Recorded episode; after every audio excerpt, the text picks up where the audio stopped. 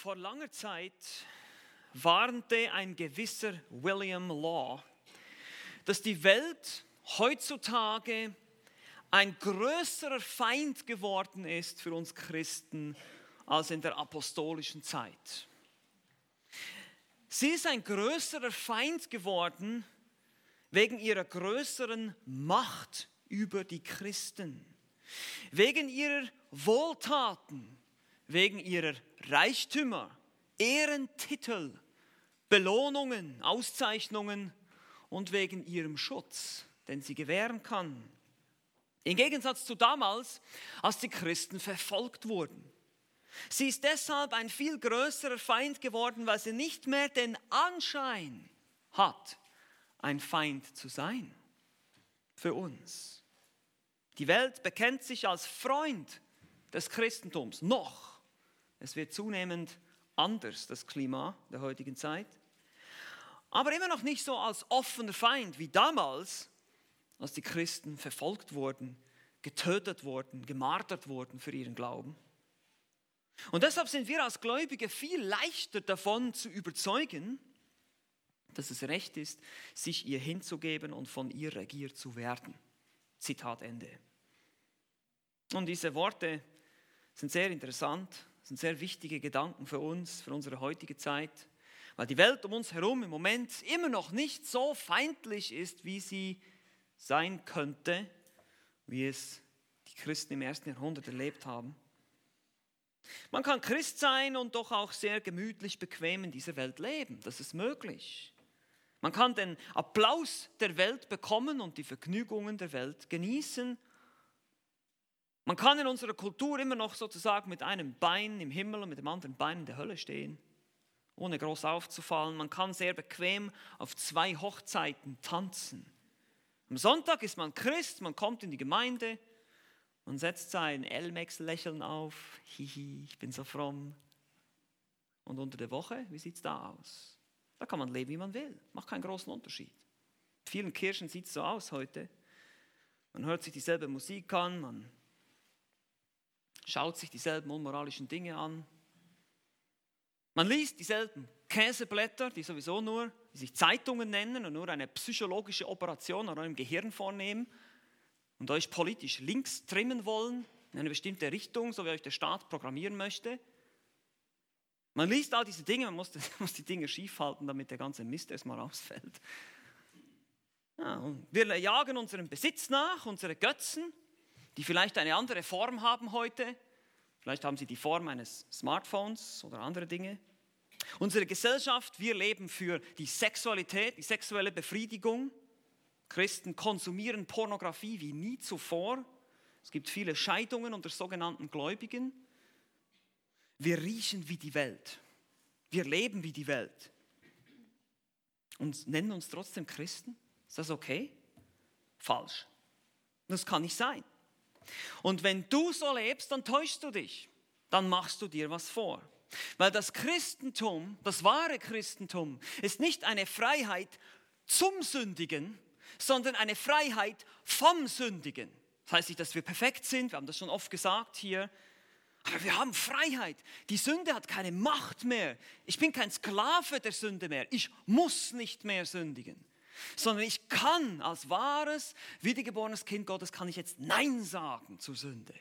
Ich muss nicht mehr sündigen. Und die Christen in Korinth hatten genau das Problem was wir heute teilweise auch haben in unserer Gesellschaft. Ein ähnliches Dilemma wie heute. Und deshalb ist dieser Korintherbrief für uns so wertvoll. Es geht um eine Gemeinde, die verweltlicht war. Das war die Gemeinde in Korinth. Es war eine weltliche Gemeinde. Ich habe das ganz am Anfang mal gesagt, ich sage das gerne wieder, das Problem ist nicht, dass die Gemeinde in der Welt ist, das Problem ist, dass die Welt in der Gemeinde ist, heutzutage. Und in dem Abschnitt, in dem wir gerade studieren, Kapitel 8 bis 10 im ersten Korintherbrief, kritisiert Paulus und ermahnt Paulus aufs deutlichste diese falsche Freiheit, dieses, diese falsche Vorstellung von christlicher Freiheit, die die Korinther hatten. Sie dachten von sich selbst, wir sind die Übergeistlichen. Wir sind schon angekommen. Ich bin schon perfekt.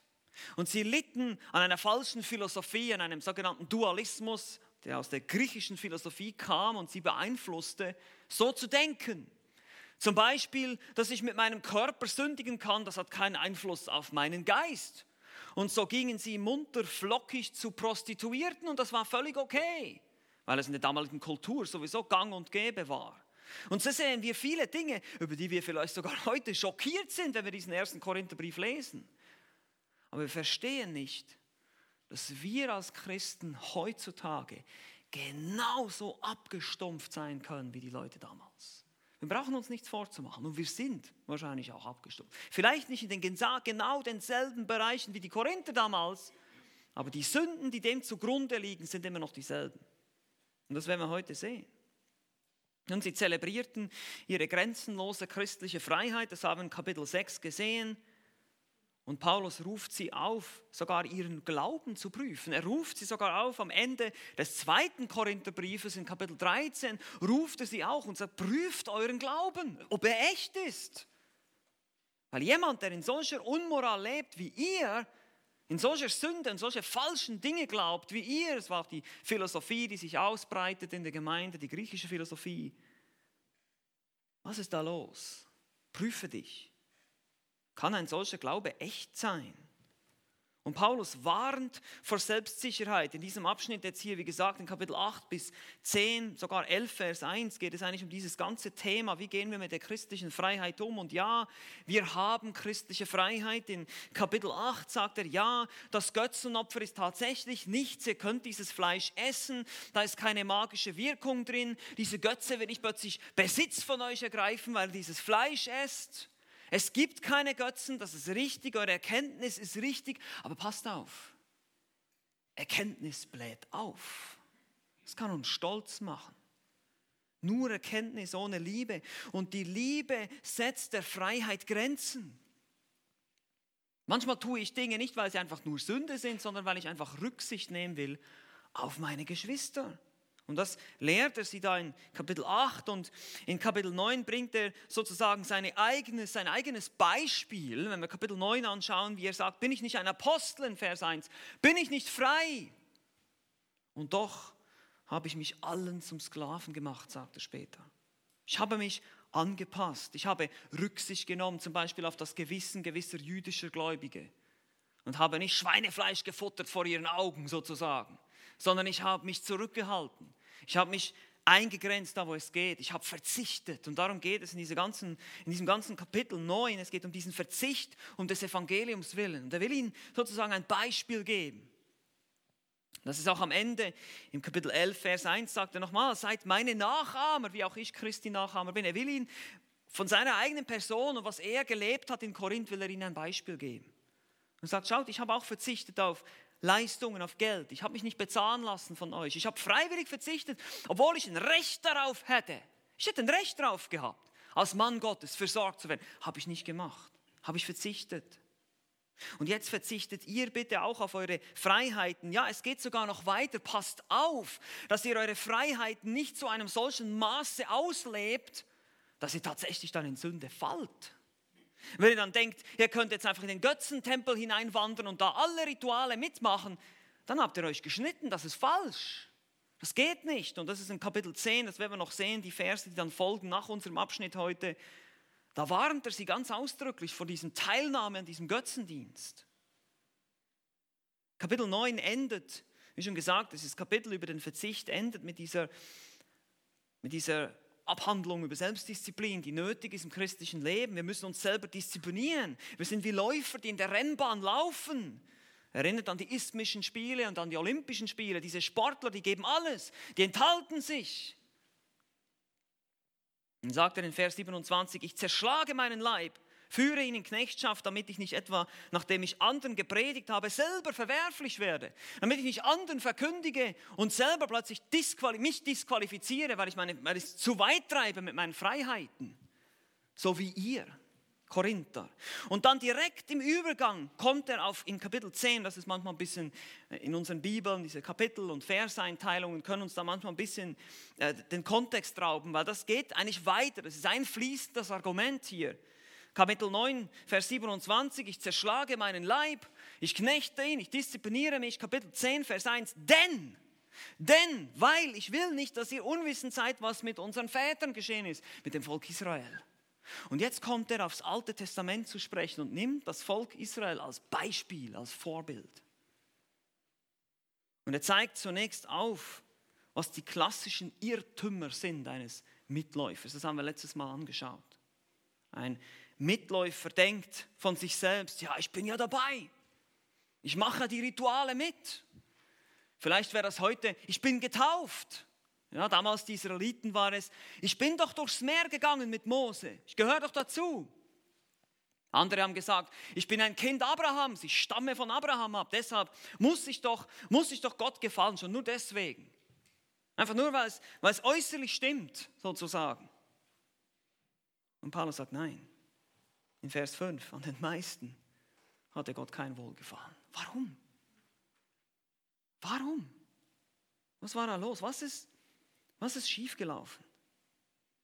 Nun, diese Israeliten, die hatten in ihrem Herzen, die waren vielleicht äußerlich dabei, aber die hatten in ihrem Herzen nicht wirklich Buße getan über ihre Sünden. Und das sieht man immer wieder.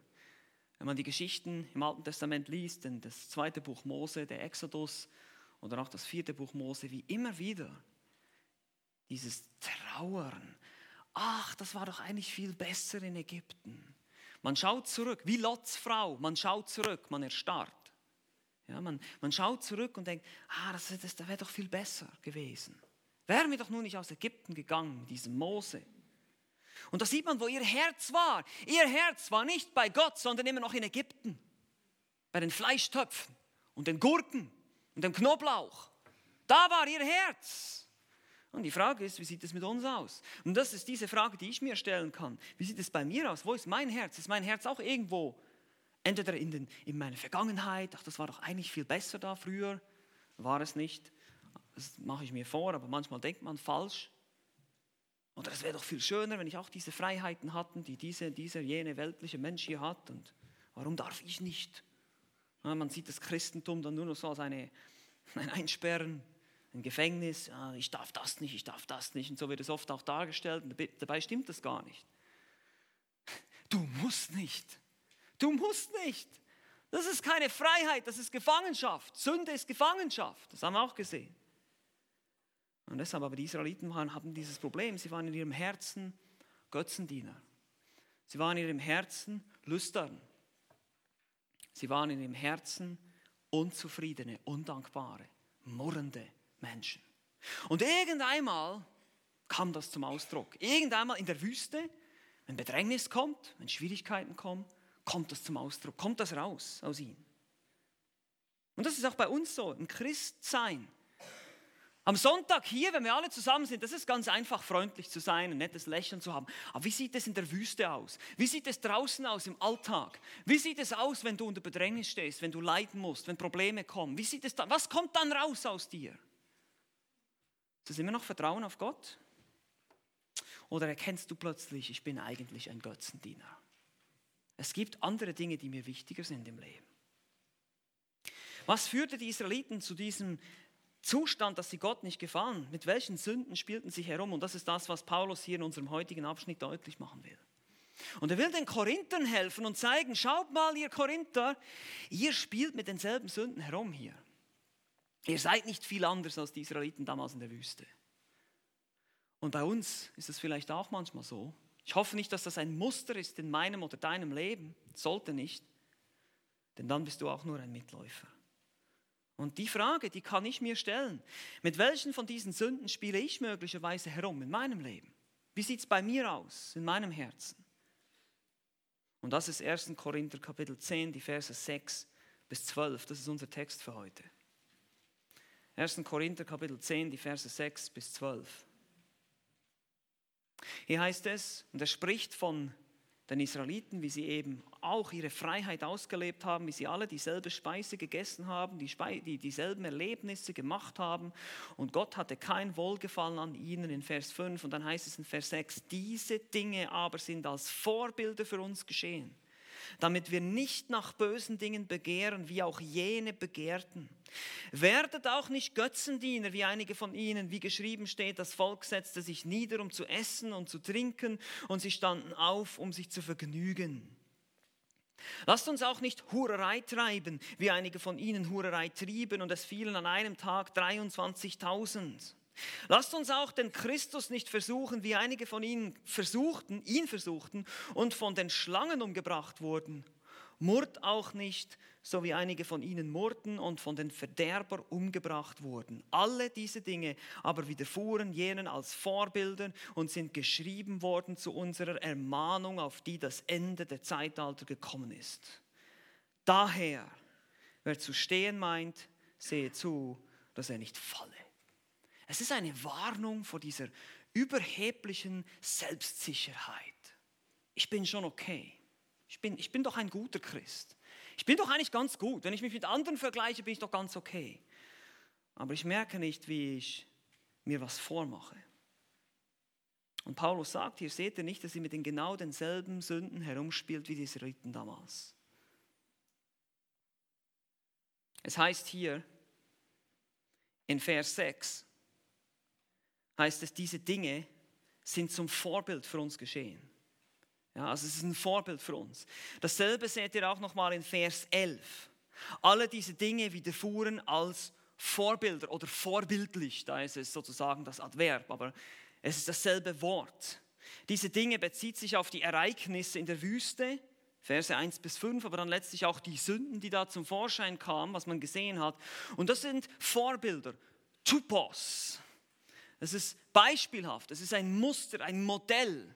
Dieses Wort Typos kommt ursprünglich von der Prägung einer Münze, einer Schablone, die man verwendet, um Münzen zu prägen. So ist es sozusagen ein Vorbild, eine Schablone für uns, wo wir etwas abgucken können. hier ist es natürlich ein abschreckendes Beispiel für uns. Und warum? In Vers 6 wird uns eine Absicht gegeben, damit wir nicht dem Bösen begierig werden, so wie jene begierig waren. Und in Vers 11 heißt es, sie sind geschrieben worden zu unserer Ermahnung. Also auch hier, es geht darum, dass damit wir nicht nach demselben Dingen gelüsten und eben eine Ermahnung empfangen, eine Warnung vor diesen Dingen. Und das sind die typischen Probleme eines Mitläufers hier, im Grunde genommen, was Paulus hier beschreibt. Weil das ist genau das, was in der Gemeinde in Korinth war und was auch uns geschehen kann. Es gibt andere Dinge im Leben, die wichtiger sind. Und man nimmt das einfach im Namen der Freiheit und sagt, ja, ich bin ja, ich bin ja frei vom Gesetz. Ja, heutzutage zitieren wir dann Galaterbrief und sagen, ja, ja, ich werde da nicht gerecht durchs Gesetz, okay, ich bin frei. Das heißt, so viel wie ich kann jetzt tun und lassen, was ich will, was immer ich Lust habe. So ist das nicht gemeint. Aber wir sehen diese typischen Sünden hier, Götzendienst, Hurerei, Auflehnung, Murren und letztlich diese Selbstsicherheit.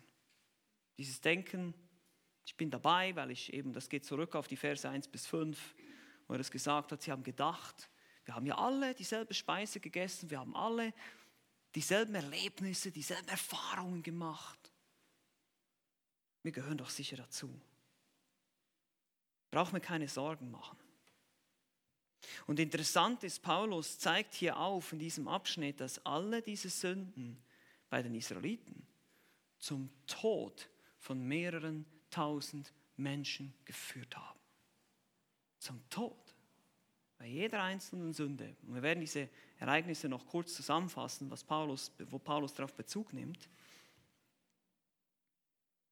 Der Sünde soll ist der Tod. Römer, Römer 6, 23. Alle diese Ereignisse führten zum Tod von vielen Tausenden in der Wüste, eben wie sie alle in Vers 5 niedergestreckt wurden, heißt es hier. Und deshalb erkenne die fünf typischen Sünden eines Mitläufers, damit du nicht in dieselbe Falle tappst. Erkenne das, verstehe das. Verstehe die Mechanik unseres verdorbenen Herzens, dass wir nicht selbstsicher sind und unsere Freiheiten zu einem Maß ausleben, wie das die Korinther getan haben, sondern vielmehr auf der Hut sind. Und diese Freiheiten, die haben wir, aber die können uns sehr schnell zu Stolperfalle werden. Und das beginnt jetzt hier mit diesem Beispiel in Vers 7. Wie gesagt, Vers 6 ist so wie die Einleitung. Das ist als Vorbild geschehen, damit wir nicht begehren nach diesen bösen Dingen. Vers 11 wiederholt er das nochmal. Es ist vorbildlich, beispielhaft geschehen. Und jetzt kommen die Beispiele. Vers 7, das erste Beispiel ist Götzendienst. Götzendienst, der erste Punkt. Werdet auch nicht Götzendiener, sagt er in Vers 7, so wie etliche von ihnen, wie geschrieben steht, das Volk setzte sich nieder, um zu essen und zu trinken und stand auf, um sich zu vergnügen. Nun, Götzendiener, das Wort hier, Eidololatres, Eidolon, ein Götzenbild, Latruo, das ist dienen, jemand, der einem Bild dient. Das ist die Idee dieses Wortes. Und dann kommt ein Zitat. Das Volk setzte sich nieder, um zu essen und zu trinken und stand auf, um sich zu vergnügen. Das ist 2. Mose 32, also da zitiert. Die Geschichte vom goldenen Kalb sollte uns bekannt sein. Und das Wort Vergnügen hier, Paiso, das ist ganz interessant. Das ist ein Spielen. Es ist ein, ein, ein Euphemismus, eine beschönigende Art und Weise, eine Orgie zu beschreiben die auch sexuelle Ausschweifung beinhalten. Manche Übersetzungen sagen tanzen, die Luther-Übersetzung, belustigen, die Menge-Übersetzung. Aber das Verb hier kommt ursprünglich von einem Stamm, was eigentlich so viel bedeutet wie, wie Kinder, kindisch sein. Kindisch verspielt miteinander herumspielen, in einer freizügigen Art und Weise. Das ist die Idee. Sexuelle Ausschweifung steht natürlich dahinter. Eine antike Love Parade zum Beispiel. Die Menschen werden zu Lustobjekten, mit denen man einfach herumspielt. Und so haben sich die Israeliten in der Wüste dem Götzendienst hingegeben, diesem goldenen Kalb. Wir kennen die Geschichte in der Wüste. Und man muss sich das mal vorstellen. Die Israeliten erleben den wahren Gott, wie er sie aus Ägypten befreit. Sie sehen all die Plagen, all die Macht Gottes, all die Herrlichkeit Gottes. Sie gehen durchs Meer, links und rechts eine Wand von Wasser. Ich meine, das muss man sich mal vorstellen. Und dann kommen sie in die Wüste und sie kommen zum Berg Sinai. Der Berg Sinai brennt von Feuer. Sie erfahren von Gott, sie hören seine Stimme, sie wollen sie nicht mehr hören, weil sie fast nicht ertragen können. Sie kriegen die zehn Gebote. Aber bevor sie die kriegen, kam war Mose ein paar Tage weg, 40 Tage um genau zu sein, geben sie sich im Götzendienst hin. Das Volk wurde ungeduldig, heißt es. Es bringt Aaron dazu, ein goldenes Kalb zu bauen, ein Abbild eines ägyptischen Götzen war das. Und dann sagen sie, wir, wir feiern ein Fest für den Herrn. Das sind eure Götter, Israeliten. Also sie haben irgendwie immer noch, wollten immer noch Jahwe anbeten, aber sie haben sich dann einen anderen Weg gesucht. Und schlussendlich starben 3000 Menschen bei diesem Vorfall in der Wüste. Und interessant hier im Korintherbrief, Paulus zitiert den Vers, bei dem es darum geht, dass sie das Götzenopferfleisch oder das, die Götzen vor den Götzen verspielt aßen und tranken und sich vergnügten. Und genau das taten ja die Korinther auch. Sie nahmen sich einfach alle Freiheiten, gingen in die Götzentempel und lebten alles aus. Und äh, wir erfahren das aus archäologischen Aufzeichnungen, dass es verschiedene Arten von Festessen gab. Es gab solche, zu denen du eingeladen wurdest, wo zum Beispiel ein Götzenopferfleisch aufgetischt wurde, aber es wurde jetzt nicht unbedingt so öffentlich gesagt. Aber dann gab es andere Festessen, bei der ausdrücklich zur Ehre einer bestimmten Gottheit gefeiert wurde. Und da gingen einige offenbar auch hin. Und deshalb wird sie Paulus im Laufe des Kapitel 10 auch noch ermahnen, zu sagen, das nicht zu tun. Eben wie gesagt, das Götzenopferfleisch selber ist vielleicht nicht das Problem, aber eure Teilnahme an diesen Ritualen. Und wenn da noch ein Bruder dabei sitzt, der dann hört, dass das Götzenopferfleisch ist, dann wird sein Gewissen verletzt und du lebst nicht mehr nach der Liebe. Aber zurück zu Vers 7, hier wie gesagt, Paulus warnt bewusst vor dem aktiven Götzendienst. Wie es die Israeliten in der Wüste taten. Sie beteten, das Kalb aßen, tranken, tanzten, hatten wilde Orgien. Es war ein Freiheitsmissbrauch und er führte zum Götzendienst. Nun die Frage hier für uns natürlich, was machen wir damit? Ich meine, wir haben ja keine Orgien und Tänze und was weiß ich. Wir denken, das hat ja nichts mit mir zu tun. Aber Götzendienst fängt ja nicht da an. Das ist das Endprodukt, was wir da sehen in der Wüste beim Kalb. Götzendienst fängt in unserem Herzen an. Es beginnt bei mir im Herzen. In Hesekiel 14, Vers 3 heißt es, sie haben ihre Götzen in ihren Herzen aufkommen lassen. Und ein Götze kann man so identifizieren, jetzt passt gut auf, ihr könnt einen Götzen in eurem Leben identifizieren, indem du bereit bist zu sündigen, um etwas zu bekommen, oder wenn du sündigst, wenn du es nicht bekommst. Ja, wenn, die, wenn dir das wichtig ist, bist du bereit, zornig zu werden oder sonst irgendwas, zu sündigen, Dinge zu tun, die gegen Gottes Gebote sind, um etwas zu bekommen, oder du bist du bist bereit zu sündigen, weil du es nicht bekommst, dann ist es wichtiger, diese Sache, was immer es ist, es kann ein Gedanke sein, eine Vorstellung, ein, was immer es ist, es ist wichtiger geworden als Gott. Bin ich wütend auf Gott, weil ich bestimmte Dinge nicht kriege, ich will? So kann es uns gehen im Alltag. Also wir, wir, brauchen keine, wir brauchen keine Statuen aus Holz und Stein. Brauchen wir nicht, um Götzendienst zu betreiben. Unsere Herzen, hat Calvin gesagt, sind Götzenfabriken. Wir sind so gut darin, ständig neue Götzen zu fabrizieren. Und das ist erstaunlich.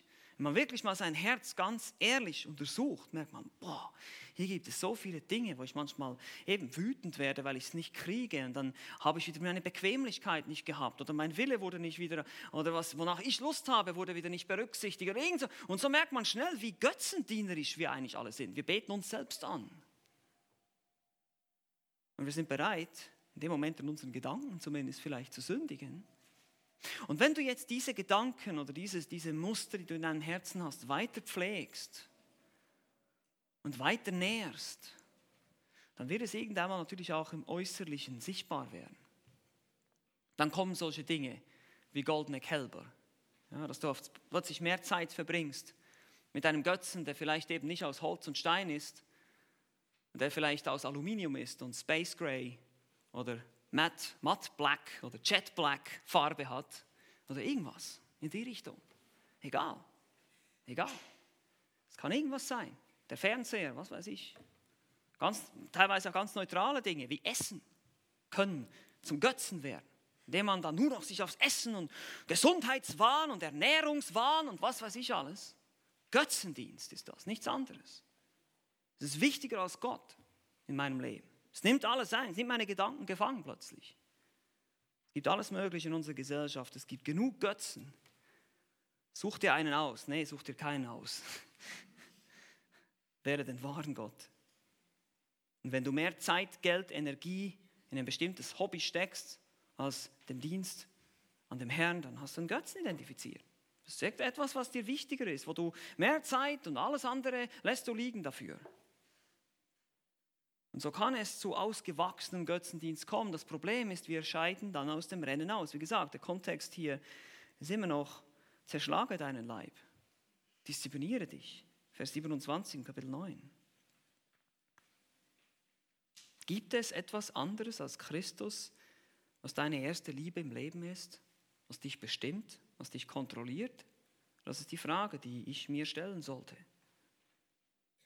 wenn ich nicht so enden will wie die Israeliten. Es fängt in meinem Herzen an. So ist es auch bei allen anderen diesen Sünden hier. Das zweite, wir haben jetzt Götzendienst. Das zweite ist Hurerei. 10 Vers 8. Hier heißt es, lasst uns auch nicht Hurerei treiben, wie einige von ihnen Hurerei trieben. Und es fielen an einem Tag 23.000. Hurerei treiben ist das Verb pornuo, da haben wir das Wort Pornografie von. Es ist Unzucht, eine allgemeine Form von sexueller Unmoral, jegliche sexuelle Betätigung außerhalb einer monogamen Ehe ist Unzucht, ist Sünde. Und auch 2. Mose 32 geht hier schon drauf ein, haben wir gesehen, aber der Hintergrund hier in dieser Geschichte, vor allem wegen den 23.000, ist wohl eher 4. Mose 25. Da trieben die Israeliten Unzucht mit den moabitischen, mit moabitischen Frauen. Aber auch da ließen sie sich durch diese sexuelle Verführung hinziehen zum Götzendienst letztendlich. Also ihr seht auch, wie, wie eng verbunden der Götzendienst und die sexuelle Unmoral ist. Und das ist auch heute so. Wie gesagt, heute gehen wir vielleicht nicht mehr in einen Aphrodite-Tempel, eine Liebesgöttin und lassen uns da von Prostituierten bedienen. Das machen wir vielleicht nicht mehr. Aber Sex ist ein Götze unserer Gesellschaft und die Menschen werden kontrolliert davon. Sie beten diese Befriedigung an, das ist das Ziel. Das ist für manche Menschen ist das das absolute Ziel im Leben, sexuelle Befriedigung zu haben, sexuelle Erfüllung zu haben. Und sie werden sie nie finden. Und deshalb werden die, die Perversionen immer abartiger in unserer Gesellschaft. Plötzlich reicht es dir nicht mehr aus, eine, eine Frau zu haben. Da musst du einen Mann haben. Und dann musst du ein Tier haben. Dann musst du, was weiß ich. Und genau diese Dinge werden in 3. Mose 18 auch schon angesprochen. Es ist nichts Neues. Aber das, das götzendienerische, egoistische, lüsterne Herz ist so verdorben, dass es immer mehr und immer mehr und immer mehr will. Und Und es hört nicht auf. Und wenn du ein solches Herz hast, dann kannst du nicht errettet sein. Das ist das Problem. Und das ist auch das, was Paulus sagt. Wenn du ein götzendienerisches, hurerisches Herz hast, wenn du dich ständig zu diesen Dingen hingezogen fühlst und dich die Bibel oder die Gemeinde oder Christus nicht so wirklich interessieren, das einfach nur so eine Formsache ist für dich, dann haben wir ein Problem. Wie gesagt, wir gehen nicht mehr zum Tempel der Aphrodite oder Poseidon oder die anderen Götter, die damals eben dann auch Tempelprostituierte anboten, aber wir können das genauso tun heute. Und die Kultur damals war auch genauso abgefahren, hatte einen riesen Einfluss wie die heutige Kultur mit ihrer freizügigen Mode und Werbung und, und, und, und Bilder und was wir alles heute haben, freizügige, äh, zweideutige Witze, alles Mögliche in Musik, in Unterhaltung, überall ist das drin.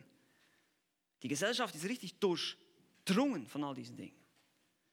Und auch schon Jahrhunderte zuvor unter den Heiden in Kanaan, die Moabiter hatten genau dieselbe Kultur. Das ist nichts Neues unter der Sonne eigentlich. Ne? Damals hier in 4. Mose 25 lesen wir dann, dass es 24.000 waren, die fallen. Paulus erwähnt hier 23.000, das ist kein Widerspruch, das sind gerundete Zahlen. Und Paulus betont, dass es an einem Tag war, die restlichen 1000 sind wohl noch später gefallen. Es gibt verschiedene Möglichkeiten, das zu erklären, aber das ist eigentlich nicht so wichtig. Wichtig ist der Punkt, den er hier macht, ist wiederum, Tausende von Menschen verloren ihr Leben wegen dieser Sünde, wegen dieser einen Sache.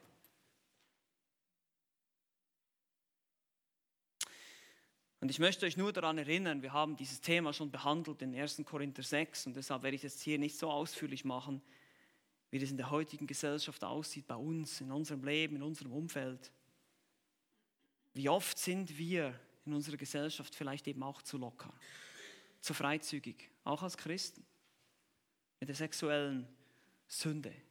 Dass wir zu lockeren Umgang haben mit dem anderen Geschlecht zum Beispiel. Ein bisschen zu viel flirten oder keine Ahnung. Was immer die Dinge sind, die wir tun, wir müssen auf der Hut sein. Und Kapitel 6, ihr könnt euch die Predigten anhören, habe ich ausführlich darüber gesprochen. Wir müssen uns aber bewusst sein, sexuelle Sünde zieht dich weg von Gott. Und sie nimmt nicht nur den kleinen Finger, Sie nimmt den ganzen Arm, den ganzen Menschen hinein. Sie ist versklavend. Und deshalb sagt Paulus in 1. Korinther 6, Vers 18, flieht, flieht weit weg von dieser Sünde. Kommt nicht mal in die Nähe davon. Das ist die Warnung, die er uns gibt. Wie gesagt, was kennzeichnet einen solchen Mitläufer? Es ist einerseits Götzendienst, dann haben wir Hurerei und jetzt drittens Auflehnung. Das ist interessant. Auflehnung. Vers 9. Kapitel 10, Vers 9 hier. Lasst uns auch nicht den Christus versuchen, wie einige von ihnen ihn versuchten und von den Schlangen umgebracht wurden. Dann gibt es eine Textvariante, einige schreiben Herrn anstatt Christus. Christus ist hier wohl der bessere Text, aber verändert den Sinn nicht groß. Wir wissen, dass Christus schon im Alten Testament da war. Wir haben das auch schon etabliert beim letzten Mal. Christus war der geistliche Felsen, der ihnen gefolgt ist, der sie versorgt hat. Er ist der Engel des Herrn im Alten Testament. Und wenn sie sich aufgelehnt haben, haben sie sich auch gegen Christus aufgelehnt. Sie haben Gott versucht. Und das ist das Wort hier, ekpeiratzo. Sie haben ihn getestet. Sie haben ihn herausgefordert. Versuchen. Das hier in einem Sinne von testen, provozieren.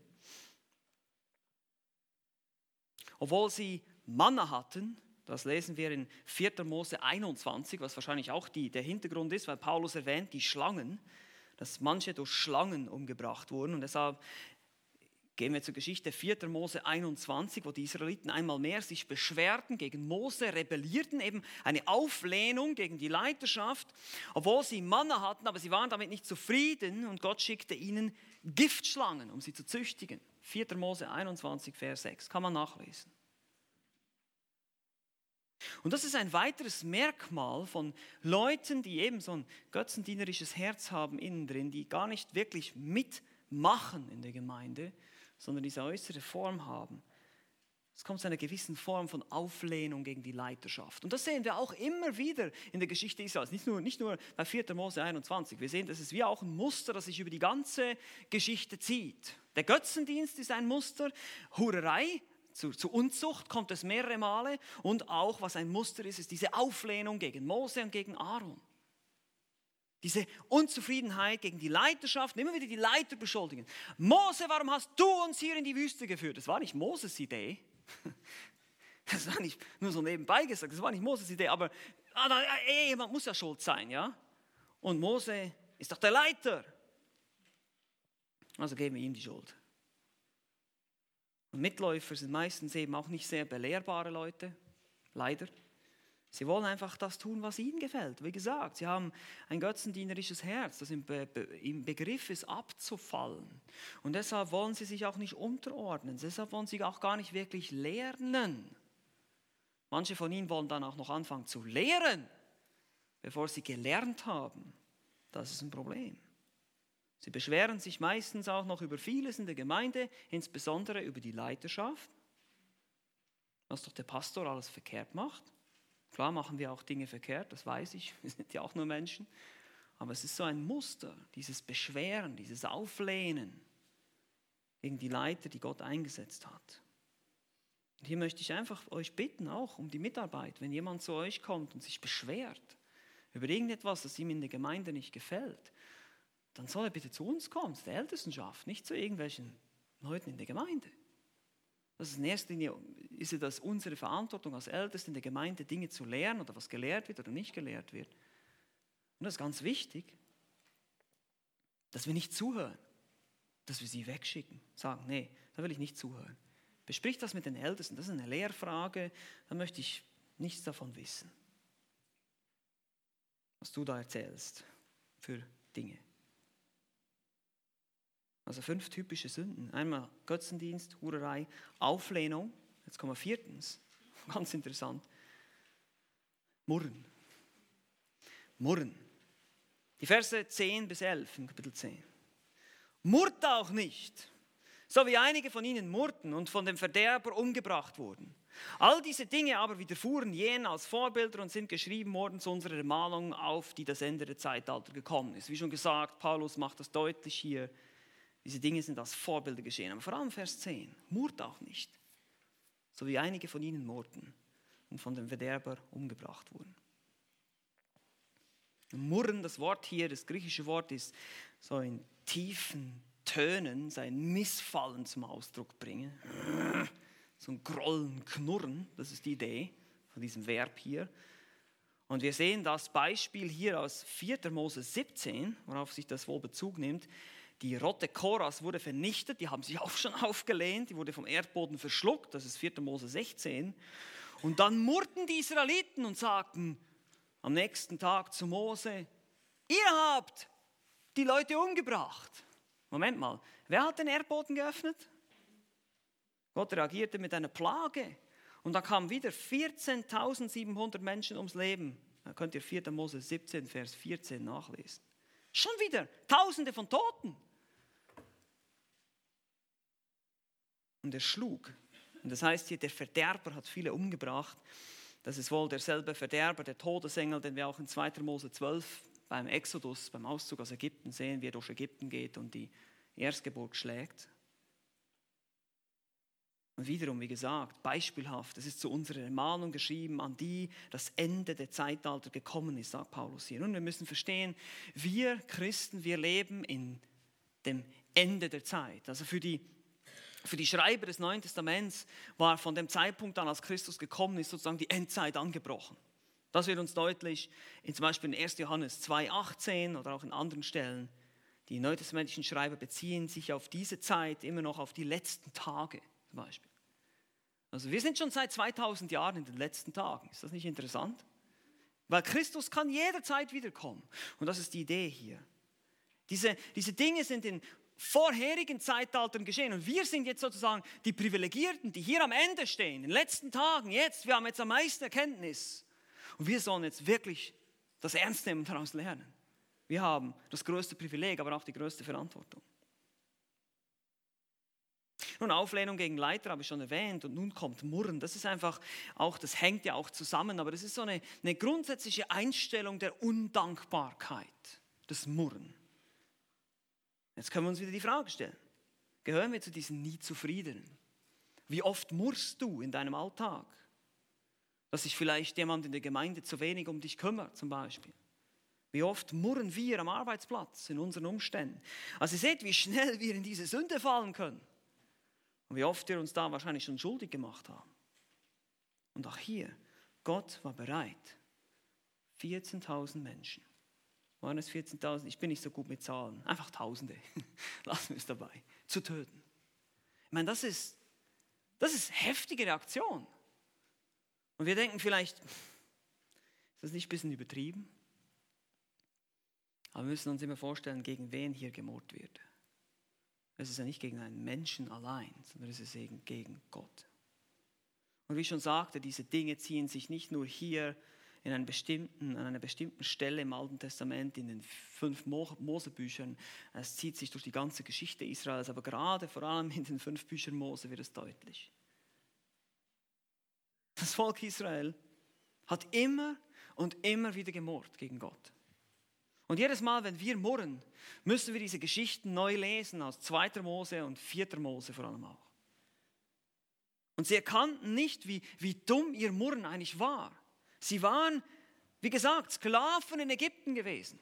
Sie waren Sklaven. Sie wurden behandelt wie, wie der letzte Dreck. Sie wurden verletzt, sie wurden geschlagen. Und jetzt sind sie da in der Wüste und beschweren sich und sagen, ja, wir wollen zurück nach Ägypten. Sicher? Erinnert ihr euch nicht mehr, was da alles war? Das ist wie der Hans im Schneckenloch. Ja, der was er hat, das will er nicht und was er will, das hat er nicht. So geht der Spruch. Kaum waren sie aus Ägypten ausgezogen, geht es los. Der Pharao rückt heran. 2. Mose 14. Was machen die Israeliten? Sie murren. Gibt es denn keine Gräber in Ägypten? Wir hätten auch dort sterben können, Mose. Warum musst du uns jetzt hier in die Wüste bringen? Und dann spaltet Gott das Meer und rettet sie. Und dann, in Kapitel 15, was machen sie? Sie murren weiter. 2. Mose 15, sie kamen nach Mara, da gab es bitteres Wasser, sie murren. Als ob Gott ihnen nicht schon genug Wunder gezeigt hätte, dass sie wissen konnten, dass Gott aus bitterem Wasser auch süßes Wasser machen kann. Aber es geht weiter. Sie murren, weil sie angeblich nichts zu essen haben. Kapitel 16. In Ägypten hätten wir viel mehr Brot gehabt. So gibt Gott ihnen das Manna. Er ist gnädig. Er erträgt dieses Murren immer wieder. 2. Mose 17 ist dann wieder der Durst, der Grund zum Meckern. Gott gibt ihnen Wasser aus dem Felsen. Es hört nicht auf. Sie kommen zum Sinai, bekommen die zehn Gebote, bekommen Bestimmungen, Gesetze, Bauanleitung zur Stiftshütte, 2. Mose 25 bis 40. Sie bekommen Opferbestimmungen, 3. Mose Kapitel 1 bis 9, die dann natürlich sofort wieder gebrochen werden. Kaum waren sie gegeben, mussten wieder zwei auf die Idee kommen, etwas anderes zu machen, als Gott gesagt hat. Und wusch, weg waren sie, wieder mal tot. Das ist 3. Mose 10, Nadab und Abihu. Dann gibt es Ordnungen für Feste, weitere Gebote, auch über die Sexualmoral in 3. Mose 16 bis 27. Dann kommen wir ins vierte Buch Mose. Sie kriegen die Ordnung für das, für das Lager, wie sie sich einordnen, wie sie auch alles transportieren sollen. Ganz genaue Anweisungen in den ersten zehn Kapiteln. Und dann brechen sie auf. Und kaum sind sie aufgebrochen, was passiert? Sie murren schon wieder. Das Volk beklagte sich, Gott verbrannte einige mit Feuer, Mose betet, Feuer wird gelöscht. Aber was passiert dann? Sie beklagen sich weiter. Und dieses Mal wollen sie nicht nur Fleisch, sondern wie ich schon sagte, sie wollen Gurken, Melonen, Lauch, Zwiebeln und Knoblauch. 4. Mose 11, Vers 5. Sie beschweren sich über das Manna, wir können dieses Zeug nicht mehr sehen, das wird langweilig. Wir wollen mal ein bisschen eine andere Speisekarte haben hier. An dieser Stelle sehen wir auch, wie Mose langsam verzweifelt, da im Kapitel 11 vom 4. Mose. Mose sagt, warum handelst du so an mir, Gott, dass du mir dieses Volk gegeben hast? Muss es, sich, muss es sie denn wie eine Amme durch die Wüste tragen? Bin ich denn ein Babysitter hier? Das ist ein Kindergarten. Ich verzweifle, töte mich, sagt Mose. Also die bringen Mose dazu zu sagen, Gott, töte mich, ich habe die Nase voll. Ich bin am Ende. Und dann kommt es zum ultimativen Murren in Kapitel 14, weil die Kananiter angeblich zu stark sind, die Rebellion in der Wüste. Und das Resultat 40 Jahre Wüstenwanderung und der Tod von fast einer Million Menschen. Sie liegen zerstreut in der Wüste. Aber damit nicht genug. Selbst während der Wüstenwanderung wird gemurrt und gemeckert. Korah und seine Rotte finden wir in 4. Mose 16. Und das Volk murrt dann wieder wegen Mose, weil er sie angeblich getötet hat, in Kapitel 17. Es geht munter weiter. Und wir dürfen jetzt nicht diese Geschichten lesen und sagen, oh, diese doofen Israeliten, ah, ich wäre doch viel besser. Nein.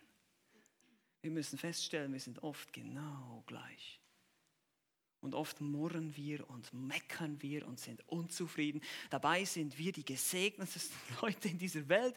Wir haben die, die größten Reichtümer hier. Ich glaube, es gibt kaum Menschen, die so viel Essen haben wie wir, die so viel Geld haben wie wir in dieser ganzen weiten Welt. Aber wir sind die wenigen, die am meisten meckern. Das soll nicht so sein. Und diese Dinge sind uns als Beispiele gegeben. Die Israeliten haben gemordet und sind dafür gestorben. Wir haben heute Morgen eine Bibelstunde Frage und Antwort diese Frage gehabt, tut Gott das heute immer noch? Ich bin froh, dass er das nicht tut, nicht so oft, wie wir das verdient hätten. Sonst wären wir alle nicht mehr da. Und uns ist das oft vielleicht nicht so bewusst, aber Murren ist eine ernste Sünde, die von Gott hart bestraft wird. Es ist eine sehr ernste Sache, das Murren. Es ist nicht einfach nur so, ja, ich habe auch mal gemurrt ein bisschen. Nein, das ist sehr ernst. Es offenbart einmal mehr diesen, dieses götzendienerische, lüsterne Herz von uns. Dieses Murren, diese Undankbarkeit. Ich will mehr. Ich habe nicht genug, ich habe nicht gekriegt, was ich wollte. Oder andere reagieren dann mit einer sogenannten Depression. Oh, ich bin so ein Armer, so ein Opfer, weil ich kriege nicht das, was ich will. Das ist genau dieselbe Sünde. Das ist genau derselbe Stolz. Das ist einfach nur eine andere Reaktion, ein anderer Umgang damit. Und wir müssen mit unserem eigenen verdorbenen Herzen hart ins Gericht gehen. Wir dürfen unser Herz nicht uns verführen und verleiten lassen. Wir dürfen es nicht dazu bringen, dass wir sagen, ah, das ist alles okay, wir rationalisieren das, das ist schon okay, ich entschuldige meine Sünde. Nein, lass uns das nicht tun. Lass uns aufrichtig und ehrlich sein mit uns selbst und diesen Spiegel uns vorhalten und sagen, ja, ich bin ein Sünder. Herr, vergib mir, ich tue Buße. Und ich suche mir Hilfe gegen diese oder jene oder was immer du in deinem Leben pflegst. Also fünf typische Sünden, Götzendienst, Hurerei, Auflehnung, Murren, eine Mitläufer und letztlich die Selbstsicherheit als fünfter Punkt in Vers 12. Das ist eigentlich so wie die Zusammenfassung von allem. Daher, wer zu stehen meint, sehe zu, dass er nicht falle. Und diese Warnung fasst, wie gesagt, alles zusammen was wir gesehen haben, auch in den Versen 1 bis 5. Wir haben gesehen, dass eben christliche Rituale, sich mit einer Gruppe zu identifizieren, sich zu Jesus zu bekennen, all diese Dinge, diese Riten damals sich zu Mose bekennt haben, sich mit ihm identifiziert haben, ihm nachgelaufen sind, äußerlich als Körper sozusagen, aber in ihrem Herzen war es nicht in Ordnung. Und deshalb, wer meint, wer denkt, wer denkt zu stehen, wer denkt, er sei stark, er sei so geistlich, ja, ich bin so weit schon, wer das denkt, der sehe zu, dass er nicht falle. Und der Fall, ihr wisst, was meistens kommt vor dem Fall, der Hochmut, Sprüche 16, 18. Aber Fallen hier in diesem Kontext, im Hintergrund haben wir diese ganzen äh, Bilder aus der Geschichte Israels und da haben wir gesehen, wie die Israeliten was gefallen sind in der Wüste. Tot um. Und hier, wer meint zu stehen, der sehe zu, dass er nicht falle durch die Sünde. Das ist ganz wörtlich zu verstehen hier. Und auch die Korinther, sehen wir dann später im Kapitel 11, weil sie das Abendmahl nicht in einer richtigen Art und Weise gefeiert haben, das Mahl des Herrn, sind einige von ihnen gestorben. Also sie sind auch gefallen, wörtlich. Genauso können wir fallen, wenn wir nicht Buße tun. Die Israeliten damals in der Wüste dachten wohl auch, Gott würde immer auf ihrer Seite sein, da sie das auserwählte Volk sind. Und auch später im Neuen Testament lesen wir von diesem Irrtum, dass Johannes der Täufer die Juden korrigieren muss. Fangt nicht an, bei euch selbst zu denken. Wir haben Abraham zum Vater, denn Gott vermag aus diesen Steinen dem Abraham Kinder zu erwecken. Diese Selbstüberschätzung, diese Selbstsicherheit. Und wir finden viele Beispiele in der Schrift. Wir müssen nicht lange suchen. Wir finden Petrus. Er dachte, ja, ich werde mit dir in den Tod gehen, Herr. Ja, ich bin, ich bin der Hero hier sozusagen. Und dann, boom, fängt er auf die Nase. Die Gemeinde in Sardes, die dachte, sie wäre eine lebendige Gemeinde. Die Gemeinde in Laodicea, die dachte, wir sind reich, wir brauchen nichts. Es gibt genügend Beispiele in der Schrift. Und das ist einfach die Warnung an uns hier, wenn immer wir uns am sichersten fühlen, sei bereit für den Sturm. Denke nicht, ich habe es geschafft, ich bin angekommen. Nein, wir sind erst im Himmel beim Herrn angekommen. Hör auf, dir selbst zu vertrauen. Ja, habe kein Selbstvertrauen. Das ist schlecht. Vertraue nicht auf dich selbst. Ich kann mir selber nicht vertrauen. Meinem eigenen Herzen kann ich nicht mal vertrauen. Vertraue auf das Wort Gottes. Vertraue auf die Wahrheit. Vertraue nicht auf dich selbst. Wenn wir nämlich auf uns selbst vertrauen, vertrauen wir nicht Gottes Wort und Gebet. Wir sind nicht mehr abhängig. Wir leben nicht mehr abhängig von Gott. Und deshalb lasst uns uns prüfen.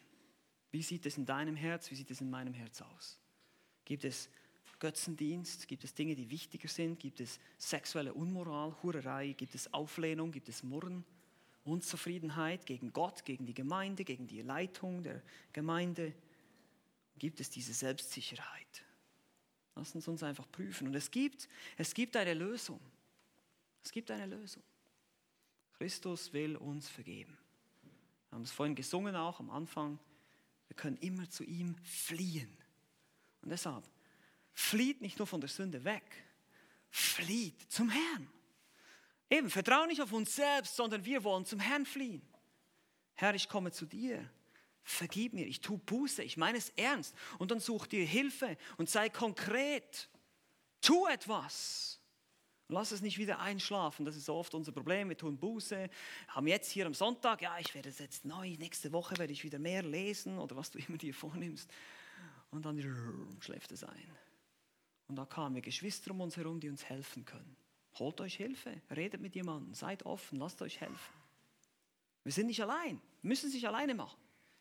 Eben nicht auf uns selbst vertrauen, sondern auf den Herrn und auf die Gemeinde, die er uns geschenkt hat, damit wir wachsen können. Lasst uns uns prüfen. Amen. Lasst uns noch gemeinsam beten.